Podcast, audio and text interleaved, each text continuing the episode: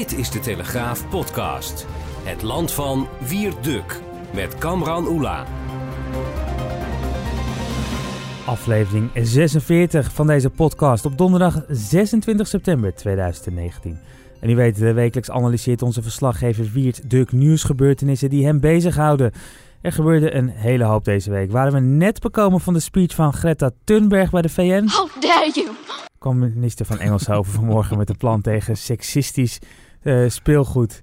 Uh, wie, heb jij, met wat voor speelgoed heb jij gespeeld toen je een klein jongetje was? Een popje? Um, nee hoor, met wapens denk ik. En, uh, onklaargemaakt wel. met onklaargemaakte alarmpistolen. en, wij speelden vooral buiten ook en we maakten katapults. En de schoten dan, want ik woonde aan de duinen, schoten we in de duinen, schoten we dan met eikels naar uh, de jongetjes van de openbare school. Want destijds had je toch nog gewoon schoolstrijd die zich in de duinen dan afspeelde. En dan schoten kregen we af en toe een eikel voor ons hoofd en zo. En daar zijn we alleen maar beter van geworden. Dus um, uh, het, was weer, wat, het was wel weer een nieuwsweek vol gekte en krankzinnigheid uh, inderdaad. Om ja. even te koppelen aan het nieuws. We gaan het zo onder andere over uh, Greta Thunberg uh, kort, uh, kort hebben. Want dat is natuurlijk, het speelt al eerder in deze, deze week. We gaan het hebben over of jij als blanke, of eigenlijk moet ik witte man zeggen, nog wel mensen van kleur kan interviewen. Ja. Ehm, en we gaan het ook nog hebben over natuurlijk in Nederland deze week. Oh ja, over boeren, boeren ja. die, die, die eigenlijk zeggen, ik, ik ga misschien wel emigreren. Dus in Ja. Nederland werd vandaag een beetje, werd op de redactie gegrapt uit Nederland.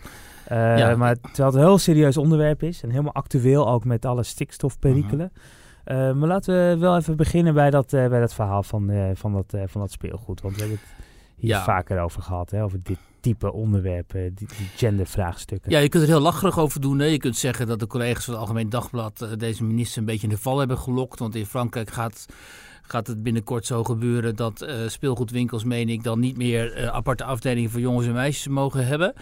En het AD belde dus met de minister wat zij daar dan van vindt. En deze minister van Engelshoven, dat, die is eigenlijk veel meer activist dan minister. Dus die grijpt dan onmiddellijk dit soort vragen aan om haar eigen zeg maar, activistische voorkeuren te kennen te geven. Kijk, wat ze had moeten doen, is natuurlijk zeggen, nou, ik volg dat met aandacht wat daar in Frankrijk gebeurt, maar ik ga natuurlijk niet mengen in, hè, in de industrie en in ehm, de vrije markt. En ik ga ook niet zeggen wat winkels in hun schappen mogen, al dan niet mogen hebben, maar dat deed ze niet.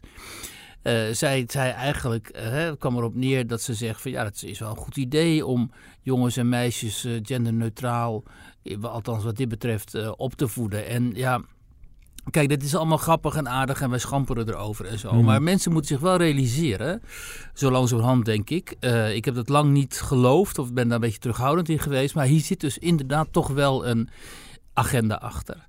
Dat is de ideologie van ook het zeg maar uitban. Uit, wat er uiteindelijk achter zit, is toch um, de gedachte bij zo'n minister dat wanneer je dit soort maatregelen niet neemt, mannen en vrouwen nooit gelijk zullen worden. En meisjes nooit dezelfde kansen zullen krijgen als jongens. En het patriarchaat, zoals dat dan heet, in stand gehouden zal worden. En in de ogen van deze mensen is er niks zo erg als het door oude, blanke, witte mannen, zoals zij die noemen, geleide uh, patriarchaat Dat willen zij het liefst uh, vernietigd zien. Dat zullen we later in deze uitzending ook nog bespreken. Um, en dat doen zij met inzet van alle middelen. Dus zowel via acties als via schrijven in de media, uh, columns. Uh, maar ook via de politiek. En zo mevrouw van D66, die is dan misschien wel zonder het zelf ook te beseffen. Misschien realiseert zich dat helemaal niet. Ook een pion geworden in deze wat, strijd wat een deel is van de cultuurstrijd die gaande is. En dat is heel erg ondermijnend, omdat je uiteindelijk een hele generatie kinderen op begint te voeden met allerlei waanideeën over de verhouding tussen man en vrouw, over biologie. Hè, want ze onderkennen dus het bestaan van uh, geslachten eigenlijk. Geslacht is in hun ogen een constructie. Je bent niet jongen of meisje, je wordt niet als jongen of meisje geboren, maar je wordt dat. Hè? Helemaal in de, nog in de geest overigens van eh, Simone mm -hmm. de Beauvoir, hè, die onder haar, haar slogan was. Uh, de, um, Tu n'es pas uh, femme, on le devient. Je wordt niet geboren als vrouw, maar dat word je. Um, maar goed, dat is een feministe uit de oude school. En dit gaat nu veel verder. Ik denk niet dat Simone de Beauvoir de biologie, de wetenschap, daarvoor was ze zelf veel te veel wetenschapper, denk ik, ter discussie stelde. Um, maar deze mensen doen dat dus wel. En dat doen ze in allerlei opzichten. Uh, niet alleen met geslacht, maar ook zelfs met... Uh, ze proberen in feite ook verschillen op basis van ehm, afkomst te neutraliseren, mm op basis van cultuur. Hè? Je mag ook niet zeggen van de ene cultuur is misschien wel, de ene beschaving is misschien wel verder in zijn ontwikkeling dan de andere beschaving. Dus alle beschavingen zijn op zichzelf eigenlijk wel nou ja, gelijk hè. Die mhm. hebben misschien wel eenzelfde waarde, laten we het zo zeggen. Dus daarmee rechtvaardigen ze ook vaak het binnenkomen via immigratie van heel veel mensen uit culturen waarvan wij denken, of ik denk, ja, die zijn nog lang niet zo ver. Hoe gaan die in vredesnaam zich aanpassen aan onze wetten en onze normen en mhm. waarden? Hè? Bijvoorbeeld ten aanzien van vrouwen, ten aanzien van homoseksuelen, ten aanzien van andere minderheden. En deze mensen die eh, gaan ervan uit, ja, maar wij zijn helemaal geen enkel opzicht superieur. Dus als die mensen uit andere culturen binnenkomen, uit Afrika of Midden-Oosten, ja, dan zijn ze vormen zij misschien wel een verrijking. Misschien brengen ze wel zaken met zich mee die wij niet meer kunnen waarderen of die wij niet meer hebben. Dat soort, dat soort idiote uh, denkbeelden. En dat is je zou denken dat die zijn eigenlijk in handen van een kleine groep activisten, maar dat is ook niet zo. Die zijn dus steeds wijder verbreid geraakt, ook tot in het onderwijs. Ook het klimaat speelt daar, het hele klimaatdenken speelt daar een rol in. Um, uh, en daarom is het toch wel goed als zo'n minister weer op, op zoals vandaag, met uh, zo'n raar plan instemt om haar dan toch te bekritiseren en mhm. vooral ook te kunnen wijzen op bredere theoretische kader waar eigenlijk dit type denken uit uh, vandaan komt. mooi, laat even zien waar dat denken dan uh, vandaan komt. Als we in dit geval ook weer heel concreet maken. Wat, wat, wat ik dan, uh, wat mij dan ook vooral opvalt, is de concrete maatregelen die dan ook worden genoemd. Hè? Dat, dat, dat mensen die in zo'n winkel werken, het speelgoed verkopen, mogen dus niet meer de vraag stellen: is het voor een jongen of voor een meisje? Dus dat is niet alleen maar het, het, het, het, stimuleren van een of, of, of met een maatregel komen, maar het is gewoon ook uh, verboden opleggen. Ja, je grijpt dus in, niet alleen in de vrije markt, maar je grijpt ook in in het, uh, zeg maar in het vrije handelen van mensen. Gedrag en van mensen. In het gedrag van mensen, in de vrijheid van meningsuiting eigenlijk. En dat zie je dus ook steeds meer gebeuren. Moeten mensen ook, heel veel mensen zijn zich daar niet van bewust. Hè? Maar dat de, de overheid, de staat steeds meer probeert ook in ons privéleven in te grijpen. Ze gaan gewoon, ze bepalen dat we moeten eten of niet mogen eten. We mogen geen vlees eten. Ze bepalen hoe wij mobiel mogen zijn, namelijk alleen op een bepaalde manier. Uh, ze bepalen nu, willen nu dus kennelijk bepalen uh, hoe wij onze kinderen uh, zullen opvoeden. Hè? Of we onze kinderen nog op een normatieve manier als jongen of meisjes mogen opvoeden of niet. En dat is, dit, dat is gewoon wat, de, wat communisten deden. En uiteindelijk is het tot 1984 notabene in een neoliberale wereld. Want we zitten dus in, in een hele liberale eigenlijk economische werkelijkheid, internationaal gezien. En, en daaroverheen hebben ze deze culturele, intellectuele laag gelegd, die heel erg uh, beperkend is, die heel erg ingrijpt in de vrijheid van meningsuiting. En daarmee, zeg ik je, creëren uiteindelijk een soort hel voor, uh, voor individuele burgers. Die mogen zich dus alleen nog maar voegen naar de normen die deze politiek correcte, zeg maar linksliberale staat hen oplicht, terwijl ze anderzijds moeten voldoen aan alle keiharde kapitalistische normen op economisch en financieel gebied. En we moeten zien dat ze hun hoofd overeind houden en overleven in die jungle, wat het in feite is op die arbeidsmarkt. Hè? Um, en als je die, die combinatie, dat is, daar zit zoveel gif in. En daar zit ook zoveel mogelijk explosief materiaal in. Um, en ik, mijn indruk is dat heel veel van die mensen in de Tweede Kamer en zo, of in beleidsposities of in bestuurdersposities en zo, dit helemaal niet begrijpen, omdat ze het bredere verhaal ofwel uh, niet zien, niet mhm. weten. Misschien hebben ze intellectuele capaciteiten niet toe. Ik weet het niet. Of ze, het interesseert ze niet.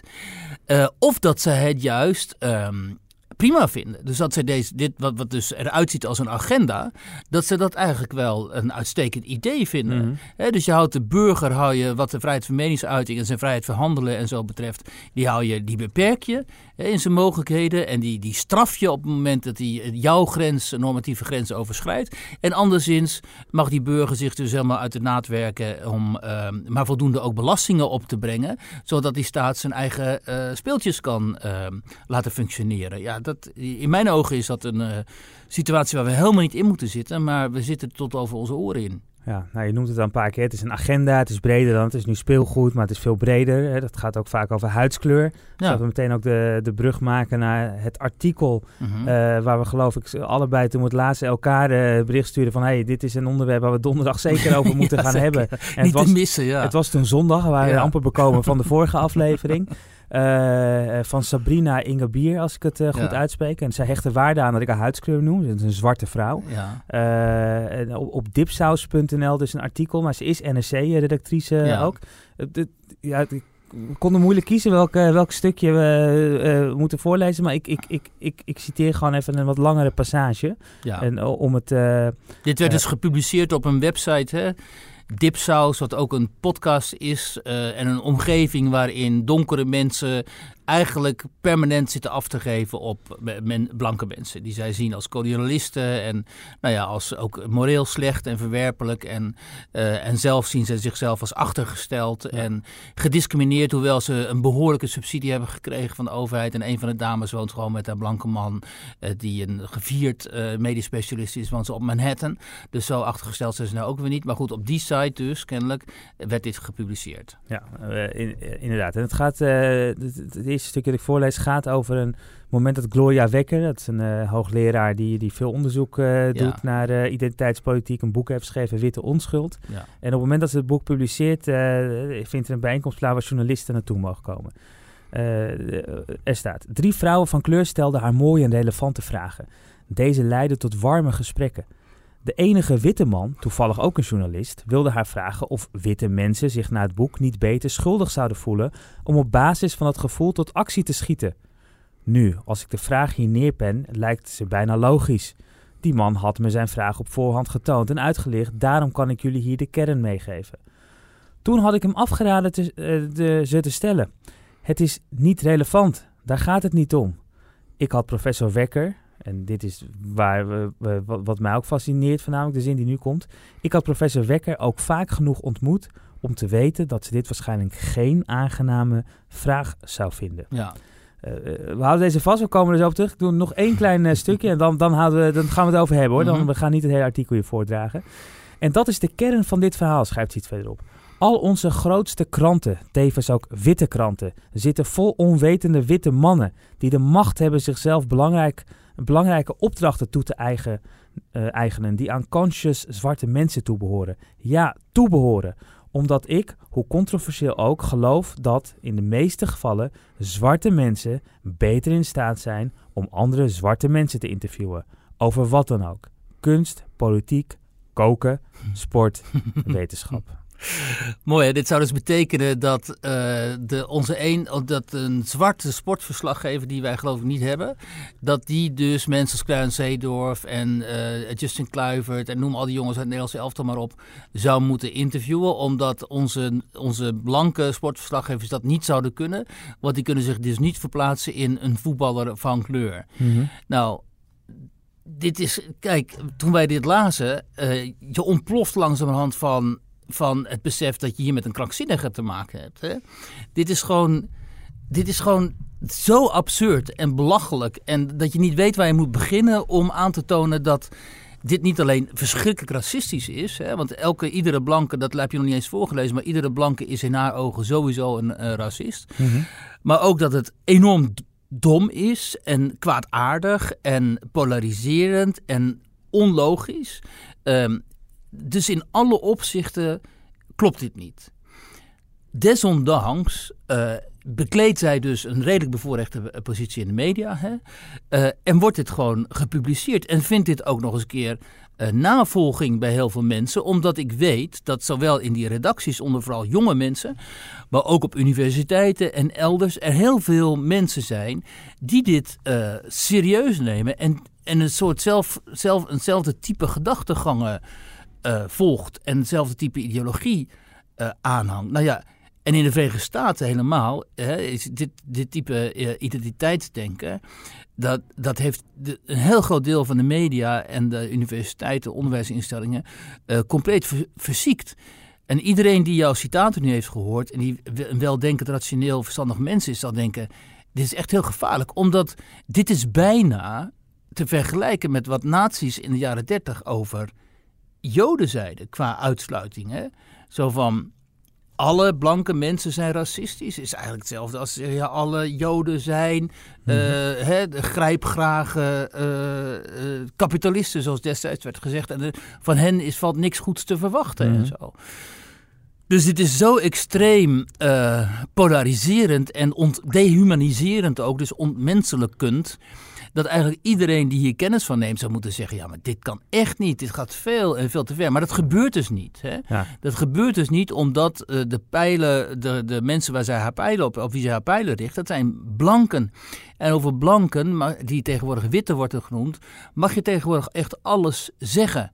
Je maakt je nooit schuldig aan discriminatie of racisme als je het hebt over blanken die in jouw ogen uh, volledig fout zijn en moeten worden afgefakkeld. En ja, dat is dit, dit uiteindelijk, ik geef het je op een briefje, uiteindelijk leidt dit tot excessen. Ik vind dit op zichzelf al een excess, maar op een gegeven moment als dit echt mainstream wordt en de politiek neemt dit over en ze nemen dit over een deel over, hebben partijen als D66 en GroenLinks en noem maar op, dan uh, wordt de haat op blanken zo groot dat blanken, zoals in Zuid-Afrika het geval is bijvoorbeeld, uh, moeten gaan overwegen om zichzelf te gaan verdedigen. Hè? Mhm. Dat je op een gegeven moment echt moet gaan denken van ja, maar uh, wij moeten ons hier vooral in woorden uh, tegen uiten. En uh, als, het, als deze mensen grenzen overgaan, ja, dan moeten we echt gaan nadenken hoe je nog veilig kunt zijn, vrees ik. Ja, volgens mij in dit geval hoeven we niet eens vergelijken te maken met, met 75 jaar geleden of met, met, met andere landen. Want het gebeurt gewoon op dit moment. Ehm, heel zichtbaar. Want dat is natuurlijk ook die vrijheid die men voelt om dat ook overal maar te uiten. Ja. Ehm, maar eh, wat mij hier daarnaast, hè, ik, met, ik ben in dit geval uh, helemaal met, je eens, maar wat me ook nog eens verbaast, is de disqualificatie die je aan je collega's uh, eigenlijk doet. Door, als je onaangename vragen stelt, ben je dus een slechte journalist. Ja, dat is het. Hè. Daar begon je eigenlijk mee. Dus in, in de ogen van deze auteur is iemand een journalist die alleen maar welgevallige vragen stelt aan iemand anders. En als je dus kritische vragen stelt of wat scherpere vragen waarmee je misschien je, degene die je interviewt enigszins ontregelt of voor het blok stelt of in, in een ongemakkelijke situatie brengt, dan ben je dus niet een goede journalist. Terwijl wij juist geleerd hebben volgens mij dat dat de taak is van een journalist om te onderzoeken en juist kritische vragen te stellen, zodat je interessante antwoorden krijgt en uh, jouw lezers of kijkers of whatever uh, kunnen zien dat je hier met iemand, dat je iemand echt kritisch bevraagt. En zeker iemand die macht heeft. Mm. Hè? Ik bedoel, je hoeft niet. Ja, nou ja, laten we het daarop houden. Zeker iemand zoals Gloria Wekker, die in bepaalde kringen een bepaalde autoriteit en gezag heeft. Natuurlijk moet je haar kritisch ondervragen. Om vanwege dat gezag, dat aureool van gezag dat ze, dat, dat ze heeft. En waar zij mee zijn mensen ook kan, eventueel kan manipuleren. En als je dan juist zo'n vrouw uh, met alleen maar welgevallige vragen tegemoet treedt, ja, dan ben je dus gewoon, dan ben je geen journalist, dan ben je een fan natuurlijk. Dat is dus een hele merkwaardige opvatting van het vak. maar dit is precies waar het uh, uiteindelijk om draait. Het begint hiermee, maar het, wat, wat, ik ook vaker uh, in de vraagstelling ook poneer diversiteit en inclusiviteit, zolang het maar om dezelfde mening gaat. Zolang het maar eigenlijk wel of je met je, met je eens bent. Want het begint al met geen onaangename vragen stellen. Want als je dat wel doet, hey, Nee, maar dat, hè, dan hoor je er niet bij. Ja, zij zou dus eigenlijk moeten denken van... god, die blanke journalist, dat, die draagt bij aan de diversiteit van het gezelschap... dat Gloria Wekker interviewt. Exact. Met zijn kritische vragen is hij ook nog eens een keer een stuk kritischer. Dus leven de diversiteit. Want wij zijn allemaal donker en we slijmen alleen met mevrouw Wekker... en hij stelt kritische vragen en hij is blank. Dus, nou. Hij zorgt als enige, als ik dit goed lees, voor de diversiteit daar. Want hij ziet ja, want dat is toch precies wat men wil. Ja, zien ze ook niet. Dus je hebt, je hebt die blinde vlek. En dan heb je ook nog eens een keer een blinde vlek... Hè, voor wat dan de taak van de journalist is. En dat zag je eerder deze week ook in die radio-uitzending, waarin iemand iets van acht, negen minuten lang een uh, antisemitische uh, rent, rent kon houden. Zo en Varen op NPO Radio 1, ja. ochtends tussen vijf en uh, zes. Precies. En dan had je dus die presentator die, die maar niet ingreep. Die die dus ook geacht wordt enige journalistieke kennis te hebben en uh, uh, enige journalistieke vaardigheden ook. En die, die moet begrijpen dat op het moment dat iemand racistische taal of antisemitische taal begint uit te kramen, dat je die afkapt en mhm. zegt van joh. Uh, alles goed en wel, maar hiervan zijn wij niet gediend. Hè? Als jij, en, en als je zo doorgaat, dan geef je gewoon aan. Want dit is de wet. En deze presentator die liet deze vent maar zijn gang gaan.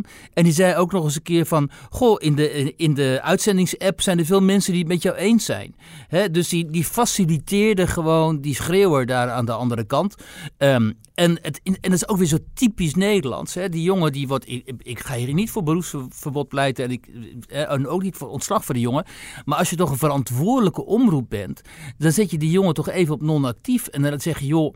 Dit was niet zo geslaagd. Je gaat eerst even een cursus journalistiek doen. Want kennelijk heb je, begrijp je helemaal niet wat journalistiek of presenteren, wat het vak inhoudt. Mhm. En daarna mag je misschien terugkeren. Maar wat hier gebeurde was, ik ben BNN Vara is, hè, Ja.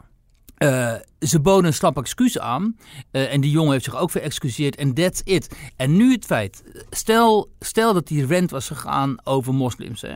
Dat iemand acht minuten lang had ge- geschreeuwd over eh, wat hij nu over joden deed. als het over moslims en zo was gegaan. Het land was gewoon had op zijn kop gestaan. En die jongen die was weg geweest. En die, diegene die zo had geschreeuwd, die was opgepakt. Om, om, en om een goede reden. Namelijk, dat kan niet. Alleen nu ging het over Joden. En nu kan het zo half kennelijk wel. Hè? Ja. Ehm, dat meten met twee maten vind ik ook zoiets eh verderfelijks. Van over wie je dit ook zegt. Of het nou moslims of zwarte of, of, of, of Joden zijn. Dit moet zo erg worden eh, gehekeld. Hè? En, en, en, en worden eh, getoond als voorbeeld van hoe dit soort dingen niet moeten gaan. Maar het gebeurde helemaal niet in die mate waarin het zou moeten. En Nee. dat vind ik wel heel opmerkelijk hoor. Ik heb op hetzelfde tijdslot eh, op NPO Radio 1 zelf ooit eh, gepresenteerd. En we hadden ook wel eens inbellers. Die was juist altijd extra scherp. En, eh, Ja, op die dat tijd was- zitten allemaal gekkies natuurlijk. Ja, natuurlijk. Mensen Ja. die, je moest goed opletten of iemand niet na 30 seconden begon te hijgen live Ja, op, op Nationale Radio. Nee, maar dat, dat Omdat hij met jou gesprek Nee, ja, nee, maar dat, ja, oké, Oh. ja. Nou, misschien iemand die dan, de regisseur of de producer die voor aan de lijn was geweest. En we hadden ook een rubriek met, gingen we dromen verklaren, mochten Oh, mensen hun dromen vertellen. Maar ja, dat, dat, je was continu waakzaam. en Of mensen, ja precies, niet, eh, niet uit de bocht vlogen. Ja. Gelukkig bijna nooit, maar Ja, eh, en, en, dus dat had hier zeker gemoeten. Wel, Ja, wat mij verbaast is dat dan, het is BNN Vara, ja. kleinere ophefjes worden breed uitgemeten. ja. Deze jongen had natuurlijk gewoon bij Matthijs van Nieuwkerk s'avonds aan tafel moeten zitten met iemand van het CIDI erbij die het aanhangig had gemaakt Zoiets, ja. over dit thema te hebben, toch? Ja. Het is volgens mij, ik, ik kijk niet elke avond, eh, jij wel geloof ik. Hè? Nee, Altijd nee. naar Matthijs. Nou, nee. Het is niet voorbij gekomen geloof ik, hè? Nee, ik denk volgens mij niet. En ehm, eh, wat, mij, wat mij heel erg zorgen baart, is de totale contextloosheid tegenwoordig. Hè? Je hebt een. Zo langzamerhand begin ik te geloven dat er een hele generatie ook programmamakers, journalisten en, en opiniemakers en zo is. die de context van de geschiedenis helemaal niet kennen. Dus die nauwelijks de geschiedenis as such kennen. En ook niet helemaal, helemaal niet de context waarin dingen gezegd worden. En en helemaal niet aanvoelen of iets kan of niet, snap je? Ehm, en eh, als dat wegvalt, dan heeft het uiteindelijk ook gevolgen voor de samenhangen in de samenleving. Omdat eh, je krijgt er steeds vaker, en het is al het geval, eh, allerlei groepen mensen die in een hele andere context leven. Hè? Wat we al veel vaker hebben samen eh, geconstateerd hier, die parallele samenlevingen in Nederland, die eigenlijk helemaal geen binding meer met elkaar hebben. Er loopt helemaal geen links meer tussen die samenlevingen. Omdat die juist, zo'n jongen, er zijn heel veel mensen eh, binnen de eh, Marokkaanse of Turkse gemeenschap voor wie antisemitisme een vanzelfsprekendheid is, Mhm. bijvoorbeeld. Hè? Die, die groeien zo op. En, hè, en natuurlijk hebben de Joden zijn voor, voor hen schuld aan alles. Ik, ben, ik heb lang in Rusland gewoond. Elk gesprek dat je daar voerde met wie dan ook, of nou ja, niet elk gesprek, maar heel veel gesprekken, ook intellectuele gesprekken, die eindigden dan maar weer met ja, maar weet je, zie je wel wat voor etniciteit die criminelen Ja. en die toppolitici hebben. Het zijn allemaal Joden, zeggen ze dan. Dus dat type antisemitisme is in bepaalde kringen gewoon heel erg gangbaar. Maar zodra jij dat constateert als presentator, moet je dat weten en moet je zeggen, joh, eh, oprotten van mijn zender. Ja, maar ik, eh, eh, met, met je eens, maar ik vind wel in dit geval, kijk, hè, die, die jongen heeft een, een fout begaan, maar zijn werkgever geeft hem ook in Die- mijn optiek geen kans om zich te verdedigen ook. Hè. Dus eh, ze hebben gewoon eigen programma's. Ze hadden ook gewoon smiddags, eh ze hebben ook een programma eh, op tussen 12 en 1. Kom het maar uitleggen. En Ja. dat, dat maakt het nog niet goed, hè, wat hij in de ochtend heeft gedaan. Maar dan kan hij in ieder geval laten zien of hij het snapt. Ja, maar zo'n openlijke dat boetedoening aan de tafel bij Matthijs. Kijk, Ja, maar het kan ook of op de radio. Ik bedoel, er zijn genoeg. En nu heeft hij de volgende ochtend om tien over vijf gezegd... ja, het was een beetje onhandig gisteren. ja. Ja, ja, misschien. Ja. Je weet ook nooit hoe zoiets gaat. Hè? Want toen die Zaanse treitenvlogger in het nieuws was... en uh, gewoon ontzettend uh, smerig, uh, intimiderend omging met dat raadslid in de Zaanstad, ja. Juliette Rot... toen kwam die ook bij Matthijs aan tafel. Toen mocht hij in Matthijs' stoel de uitzending openen. Ja. Dus je weet nog hoe dat precies gaat daar. Maar weet je, dus hou die jongen maar gewoon weg uit dat soort uitzendingen ook. Maar ja, goed... Ja, uh, ik zou vooral op dit moment willen zeggen, blijf vooral luisteren. Want ik weet dat er luisteraars zijn die de volgende 26 seconden uh, al genoeg gehoord hebben uh, of gewoon er niet, niet tegen kunnen. We gaan het namelijk hebben over Greta Thunberg.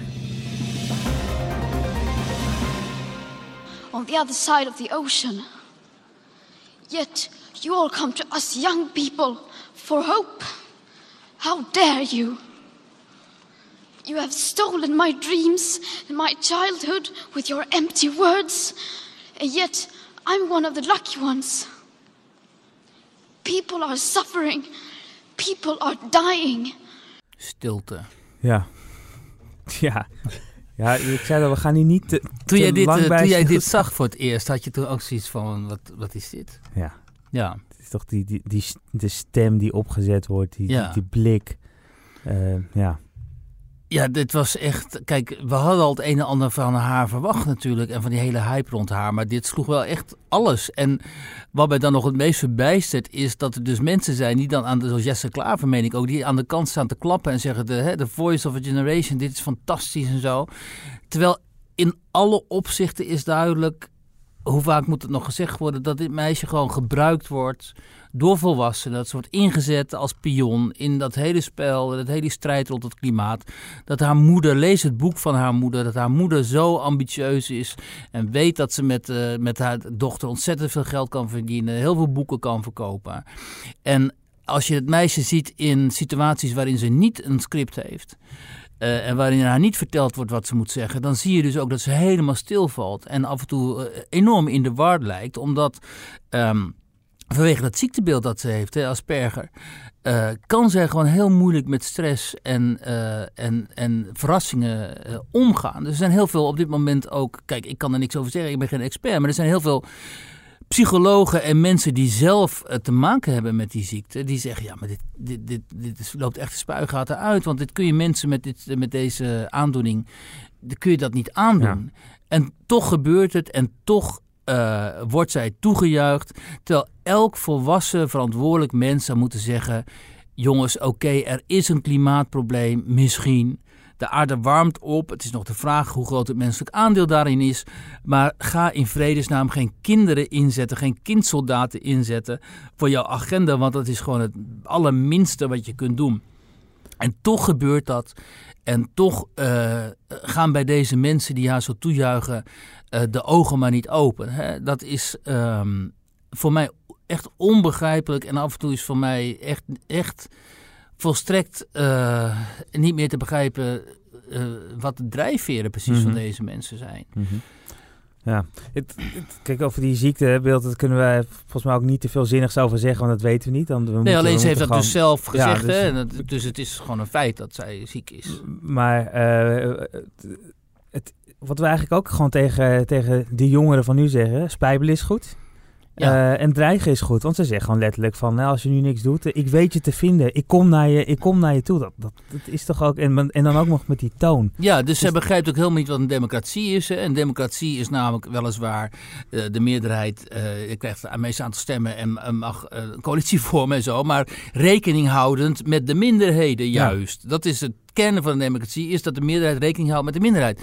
Maar zij zegt daar gewoon van, joh, oh, je kunt uh, kletsen wat je wilt, uh, maar wij gaan hiermee verder. En ja. uh, wat zij ze ook alweer letterlijk al iets inderdaad heel dreigends van, we're coming for, for you of zo. Ja, echt, iets, echt ja, iets in die trant. Ja, tamelijk agressief ook. Ja, ja dan moet al die mensen moeten zeggen: oké, okay, we schuiven nou even, hè, we schuiven haar nu even van die tafel en nu gaan even de volwassenen praten. Wat eigenlijk Trump deed, hè? Dus dat, die, die fantastische, nou ja, dat zal heel veel mensen zullen dat vreselijk vinden, maar dat filmpje waarop je ziet dat uh, Greta ja. dan staat te wachten op Donald Trump.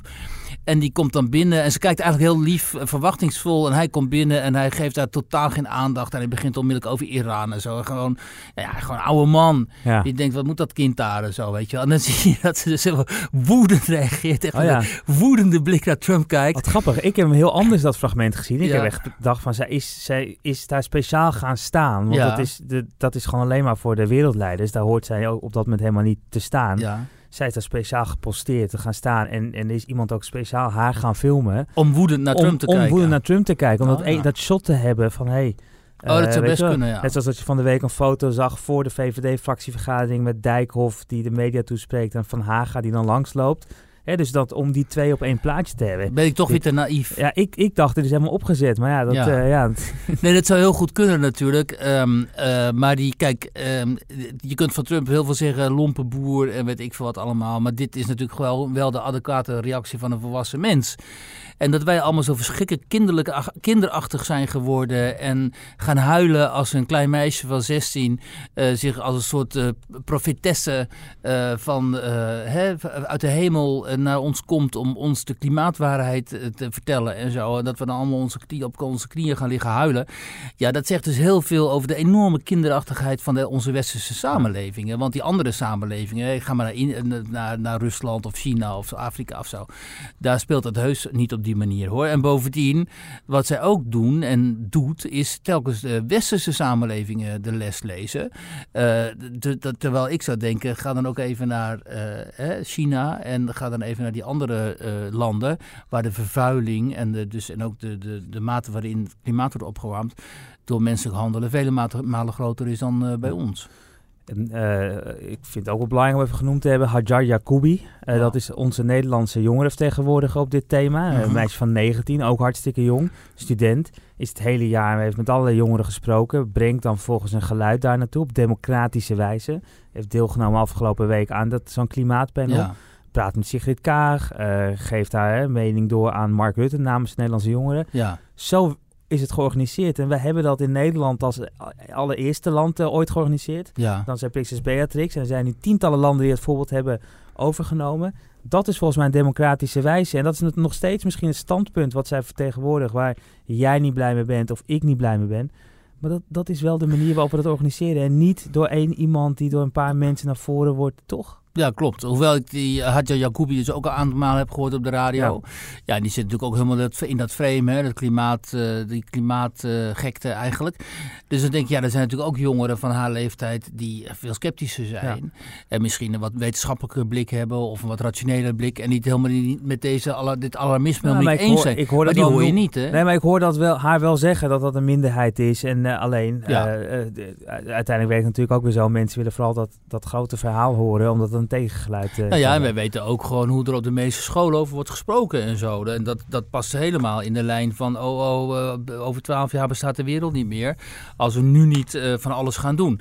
Dus op die scholen worden die kinderen ook enorm geïndoctrineerd. En dan moet je wel heel erg sterke rug hebben of heel erg overtuigd zijn van jezelf. Veel zelfbewustzijn hebben. Om dan tegen de rest van je leerlingen, medeleerlingen en de docenten te zeggen, ik ben het hier niet mee eens. En Hm. eh, er bestaan ook andere interpretaties van eh, wat er precies gebeurt met het klimaat. We zouden het er kort over hebben en toen ging het er toch lang over. Ja. En we blijven bij het klimaat. Althans, niet helemaal klimaat en toch wel weer klimaat. Stikstofdiscussie eh, Oh ja. is, is gaande. Dat doet ook iets met, met de boeren in Nederland. Afgelopen week een plan van D66 om de veestapel te halveren. Eh, en jij bent eh, deze week eh, naar een aantal boeren toegegaan. Hè? Ja, ik was op een boerenerf in, bij Veghel in Brabant. om eens te kijken hoe die mensen nou reageren op al die commotie eigenlijk rond het boerenbedrijf. Ehm, en dat is toch wel indrukwekkend hoor, moet ik zeggen. Ehm, als zij vertellen wat ze in de afgelopen 10, 15 jaar allemaal om de oren hebben gekregen, die boeren. De eisen waar ze aan moeten voldoen, de, de, de pesterijen eigenlijk ook al wel vanuit het ambtelijk apparaat. Al die, al die voorschriften en regels waar zij ehm, zich aan moeten houden. En doen ze dat niet, of vergissen ze zich, of overtreden ze een van die regels. Er is een inspecteur zit daar aan tafel om hen te bestraffen en boetes uit te delen. En, eh, dus ze voelen enorm de soort zwaard van Damocles permanent boven hun hoofd hangen. eh, uit angst dat zij misschien iets, iets fout zullen doen.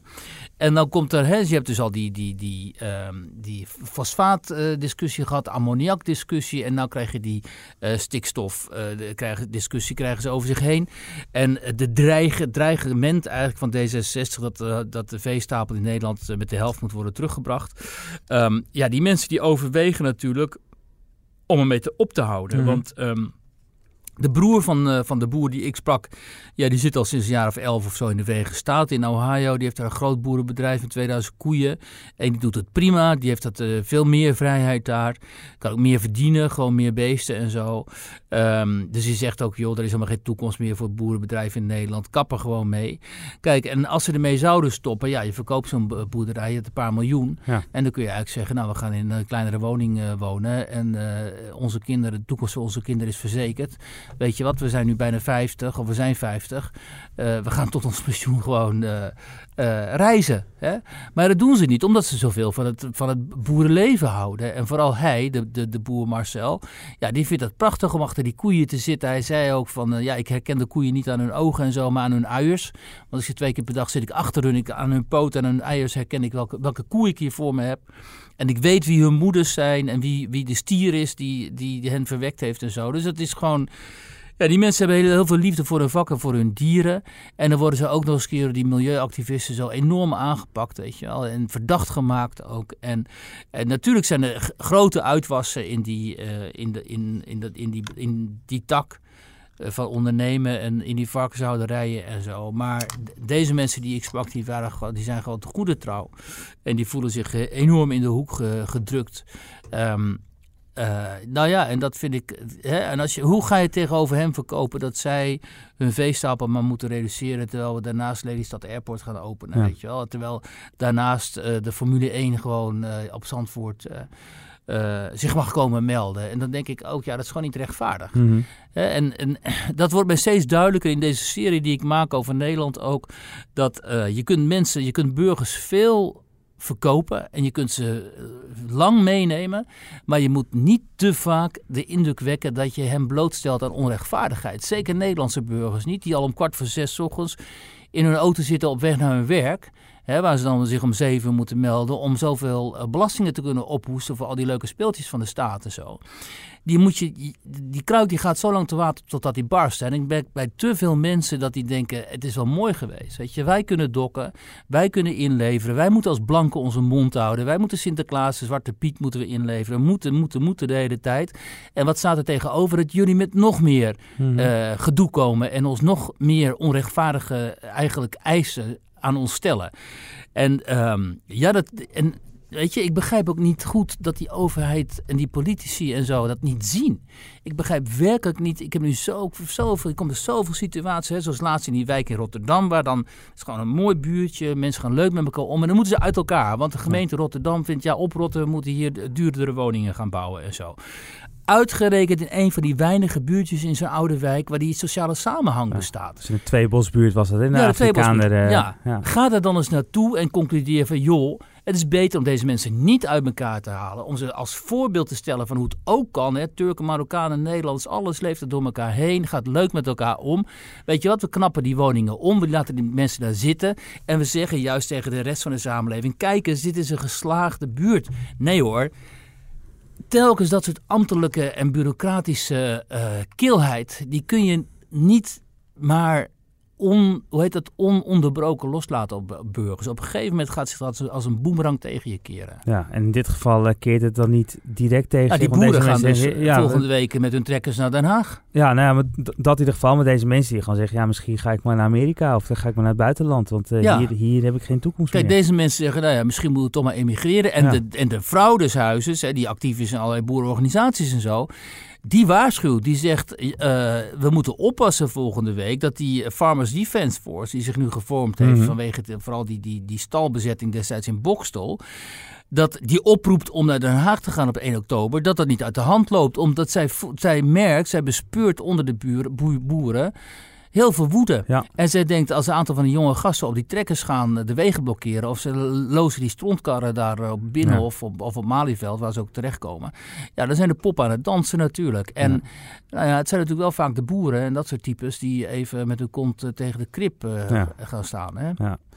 Nou, we gaan dat volgende week zien. En dit verhaal vandaag uitgebreid op, uh, op telegraaf.nl en natuurlijk ook uh, in de krant.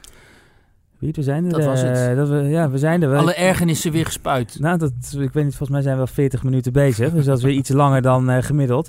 Ja, dat was ook zoveel. We waren iets later, hè, want we nemen nu op rond 4 uur. En ik had ook even een tweet gestuurd of er nog mensen waar die vragen hadden.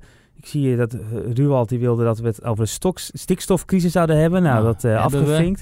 Eh, die vroeg eh, of jij met een roze pop hebt gespeeld. Nou, roze had ik niet gevraagd, de pop wel. Dus, Wel met poppen, ja. ja, dus die, Ja? Ja, die, die, die vraag is ook, ook gesteld. Nou, over jongensgedrag, of we niet meer meesters nodig hebben.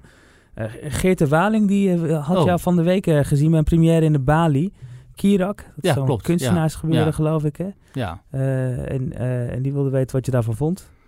Oh, dat vond ik een eh, voortreffelijke film. Maar ja, ik vind bijna alles wat Kirak doet enorm interessant. En, dus eh, dat is zeker aan. dat, ik kan mensen wel oproepen, mensen als jullie een documentaire van het kunstenaarscollectief Kirak kunnen zien, K-I-R-A-C. Ga naar YouTube en kijk alles wat ze maken, want het is hilarisch en het, is, het, heeft feilloos, ehm fileert het zeg maar de tijdgeest, vooral in de beeldende kunsten. Dus dat is eh, super interessant. Nou, zo eindigen we toch altijd met de tips. En nu is het met Ja. een bruggetje daar eh, gekomen. Eh, die van mij is Dankzij dan...